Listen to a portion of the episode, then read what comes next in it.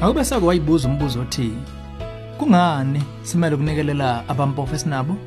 Ngakube kokwenza ungabe mnandi uma ibandla lishumayela izintshumayelo enjalo. Sizoletha inkambiso zeBhayibheli ngokunikelela abampofu khona la ohlelweni ezomndeni. Hlala nathi.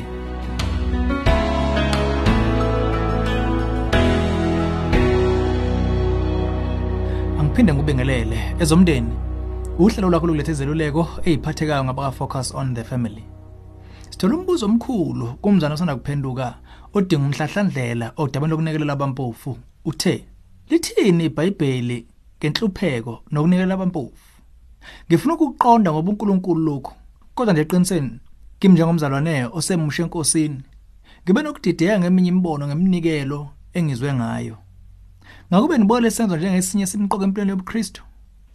iBhayibheli licacile uNkulunkulu unonakekelo ngabampofu futhi ufuna nabantu bakhe babe muzwa munye naye. Ake sondele kuyibhalo ngalendaba.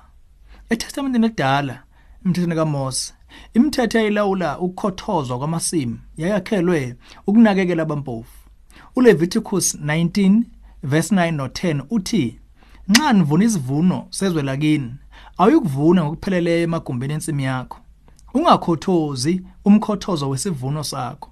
Ayukukhothoza isivini sakho. Ungabuthi izithelo zesivini ezivuthulekileyo woyishela abampofu nabafokazi nginguJehova uNkulunkulu wenu.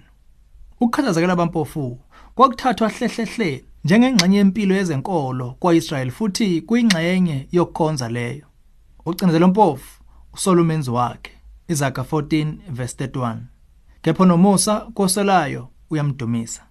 Ingakho abaprofeti njalo njalo babekhuza abacebile nabanamandla ababe namacala esidlozane begaya ubuso babampofu.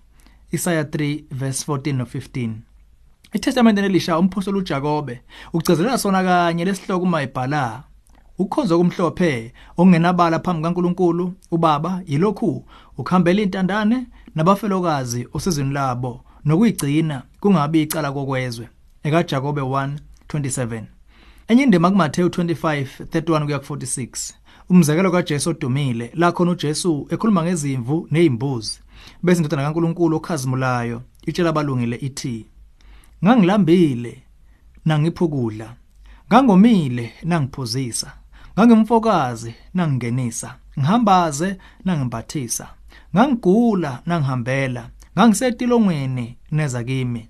Indima 35 no 36 uma abalungile sebembuza bethi Nkosi sakubona nini ulambile sakuphukudla iphendula ithi njengoba komunye walabo bafowethu abancane.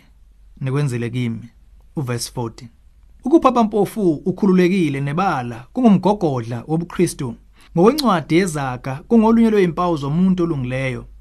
Kepha olungileyo uyaphana engancintshi izaga 21 verse 26 sesikushilo lokhu kodwa asikasho okushiwo zibhalo ngobumpofu lutho sanhlobo ngokuhlukile kakhulu ngokwezinga eliqinile iBhayibheli liphinde libe nokuningi ukusho ngenhlanhla yabampofu.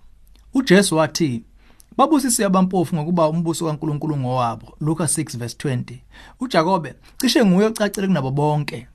uNkulunkulu akakhethanga yini abampofu ezweni babe ngabacebile ekholweni nezindlalifa zombuso awuthembisa bona bamthandayo na? ekaJakobe 2 verse 5 uma sibuka kuba nokuphana kwabampofu ekukhayini kokuthi bakhulu kunathi ezintweni zokomoya sifika kwisiphetho esithusanayo sokuthi ukupha kobuKristu akungakho ukusiza abampofu kunokuzibandakanya nabo. Uma sibuka ukuba nokuphana kwabampofu ekukhanyeni okuthi bakhulu kunathi ezintweni zokomoya sifika kwisiphetho esithusanayo sokuthi ukupha kobuKristu angakho ukusiza abampofu kunokuzibandakanya nabo. Sengame ubumpofu babo njengobethu. Abafundi bakaJesu ababizelwe kuba ngabasensi babampofu kodwa kwabelana nabo. Ukunikela abampofu kwesinakho sizibeka ekulinganeni nabo sibumbane siqinise amaxhama okuswela nengcebo. Kube khona ukulingana. 2 kwabaseKorinte 8 verse 14 sithemba lokhu kuyakusiza. Lolu hlelo ezomndeni. Ulethulelwe yifocus on the family sihlangabezwa hlelo luzayo sesihlabelisa phambili umndeni wakho.